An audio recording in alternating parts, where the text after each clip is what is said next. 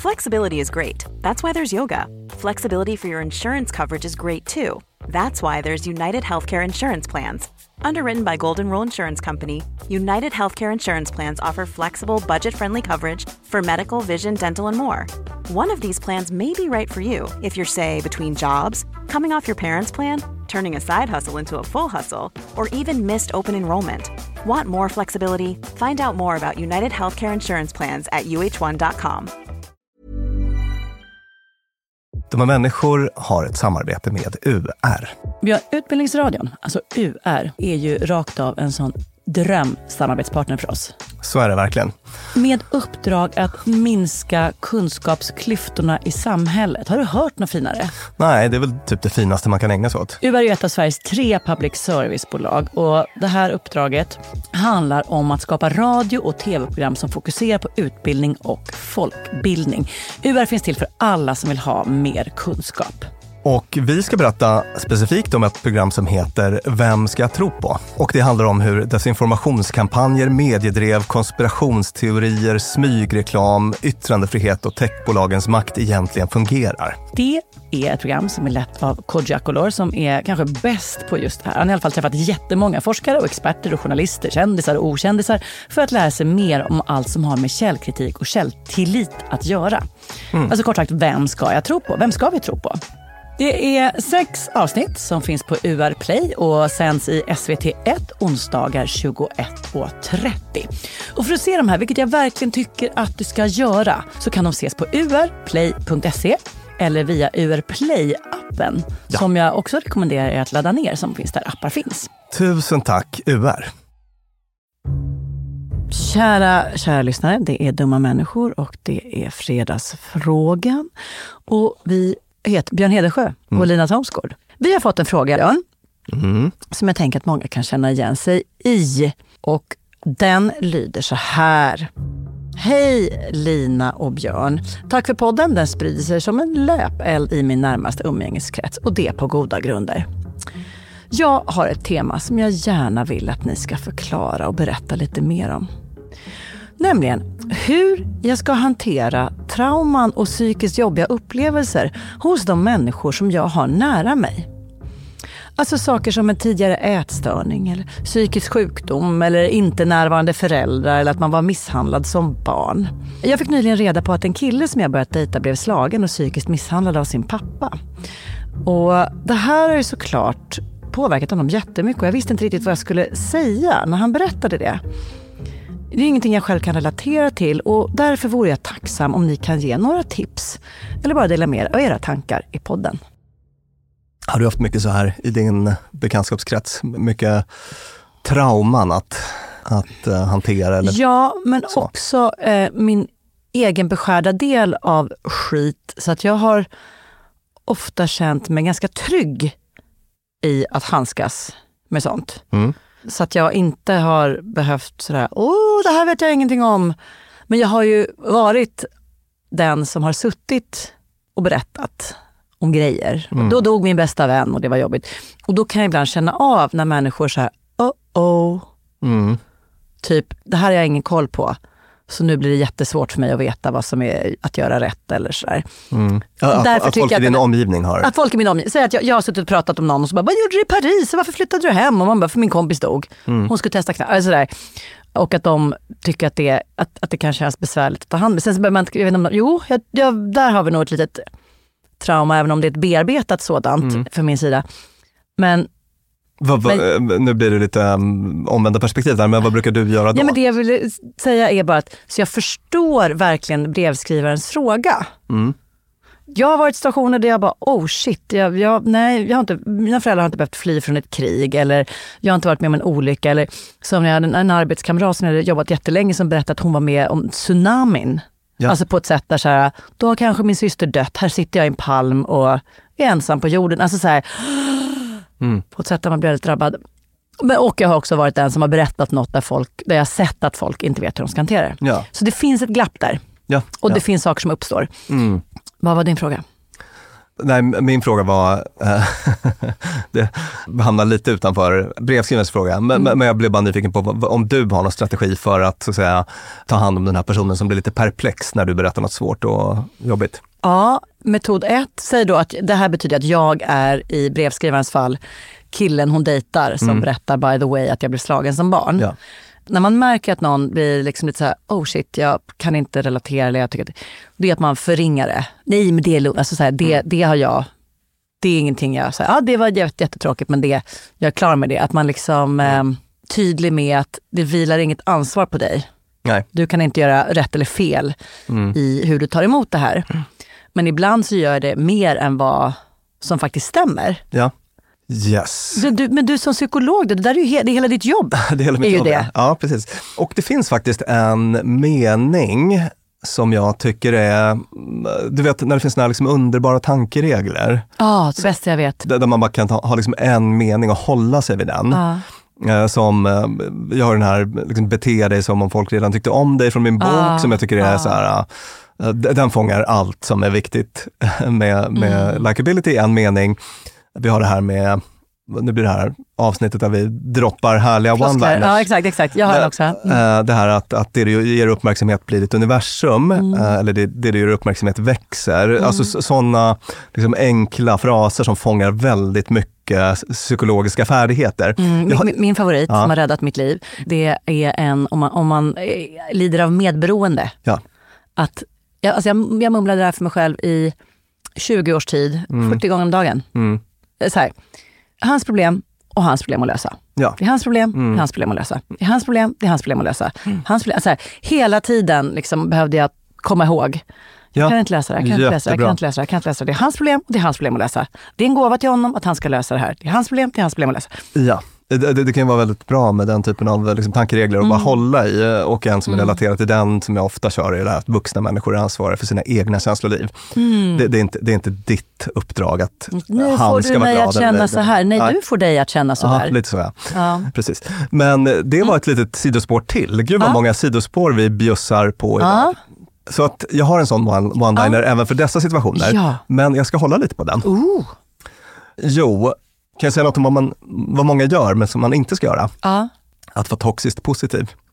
Ja, men vad skönt att det har gått över då. Just det. Ja.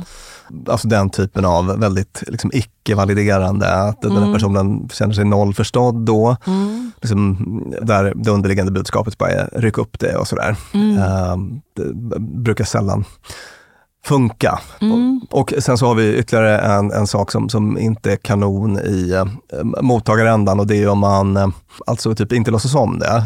Mm, just det. Eh, bara liksom, und, liksom helt undviker eller, eller, eller byter ämne och sådär. Mm. Alltså det kan ju också uppfattas som väldigt alltså kränkande faktiskt. Mm. Om, om man liksom berättar om något sånt där och, och eh, och personen bara, hopp, uh, ska vi gå och fika? Alltså det, det, ja, just det. Just det. det, det kan ju bli mm. inte så bra. Vet jag tror att jag kan göra mig skyldig till Nej. överreaktion. Alltså att jag, jag blir väldigt drabbad och bara, men gud! Mm.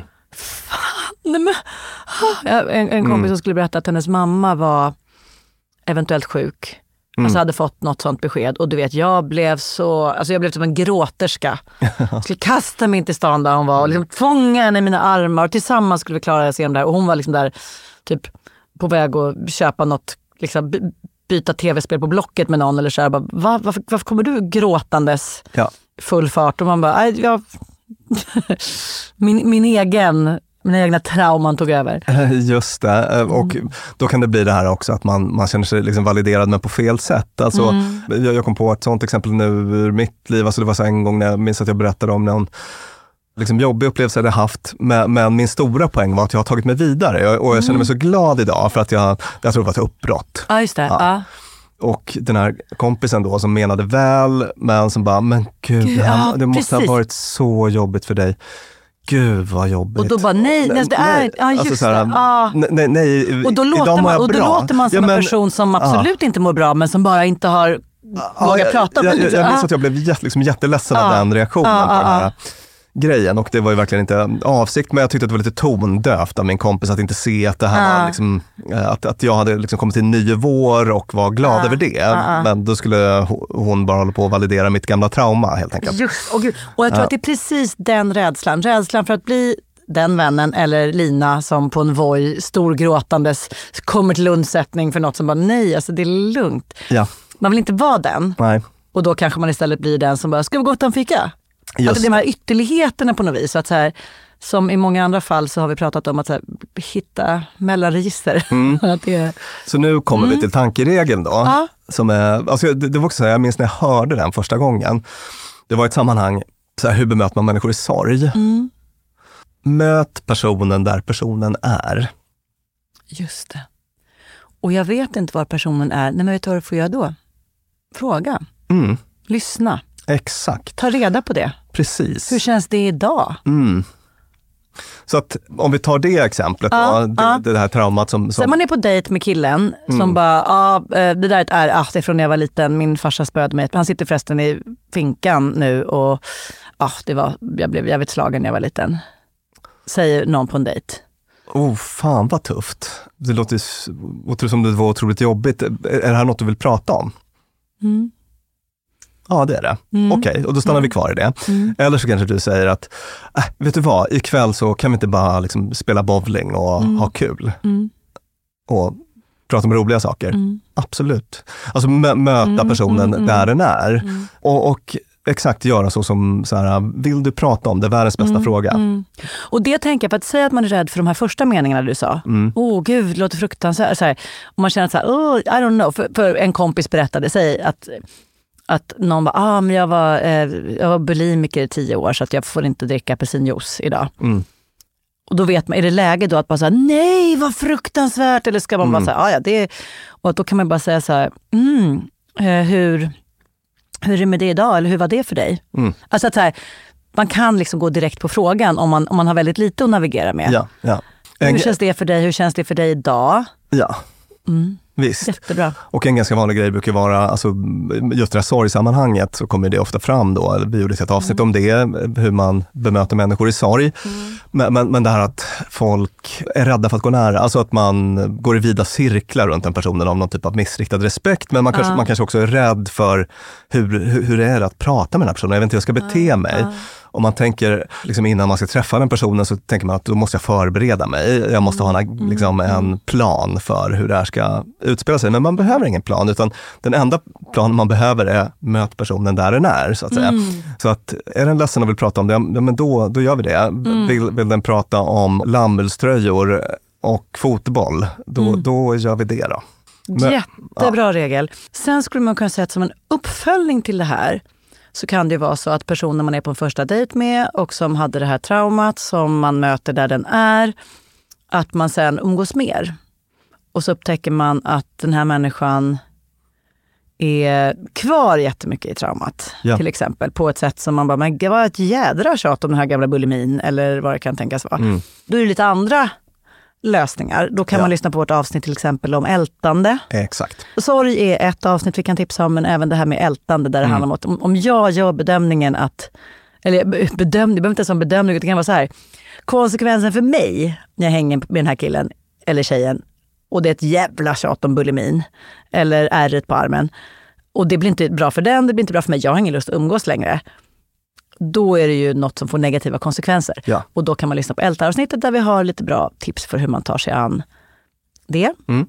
En annan sak som jag ville säga så, som varandes en person med några, eh, några, li, så här, jag, jag har varit med om tillräckligt mycket för att jag ska känna mig trygg i typ alla, alla traumarum. Mm. Tillräckligt trygg för att veta att så här, livet kan vara så fruktansvärt svårt och hemskt. Allt man tror på kan nämna och folk, så här. Men en sak som jag har tänkt är lite viktig är att ibland återkomma till det där. Så att inte det jag en gång sa när jag berättade om den här jobbiga grejen blir en evig sanning. För att det, vi utvecklas liksom hela tiden. Och ibland kan man behöva göra en lite så här benchmark, eller vad fan det heter, liksom så här, checka av. Vi har vänner som det varje gång säger, ah, hur känns den där grejen? Och då, då ibland kan man upptäcka så här 15 år senare, så här, Nej, men det, vet du vad, jag tänker inte så mycket på det längre. Nu förhåller jag mig så här. Och det är ganska mysigt. Eh, För ibland blir det så med trauman att man har så en gång när den berättar. Ja. Och då är det check på den listan. Och då, då tänker man så här att då är det mycket trevligare att prata om något annat för all framtid. Men en sak som jag uppskattar är när folk säger man kan få återkomma till det Ja. någon gång. Och bara den här grejen, hur... hur Skriva, skriva om sin historia.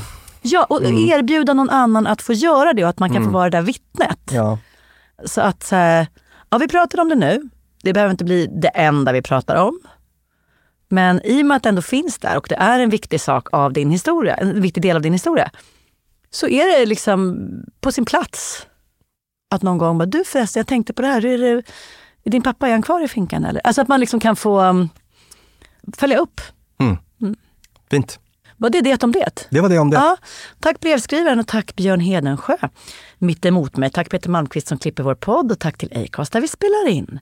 Nästa fredagsfråga kommer såklart på fredag och alla våra avsnitt hittar ni på ställen där poddar finns. Och en eh, medskick, ge gärna recension. Man kan ploppa i. Vi har så fruktansvärt fina recensioner på, eller vet du, stjärn, på um, Spotify. Mm. Jag har liksom inte sett en enda podd som har så fina betyg som vi. Åh, vad fint. Ja, så tack lyssnarna som varit inne där och pluppat i stjärnor. Ja, tack så mycket. Hej då.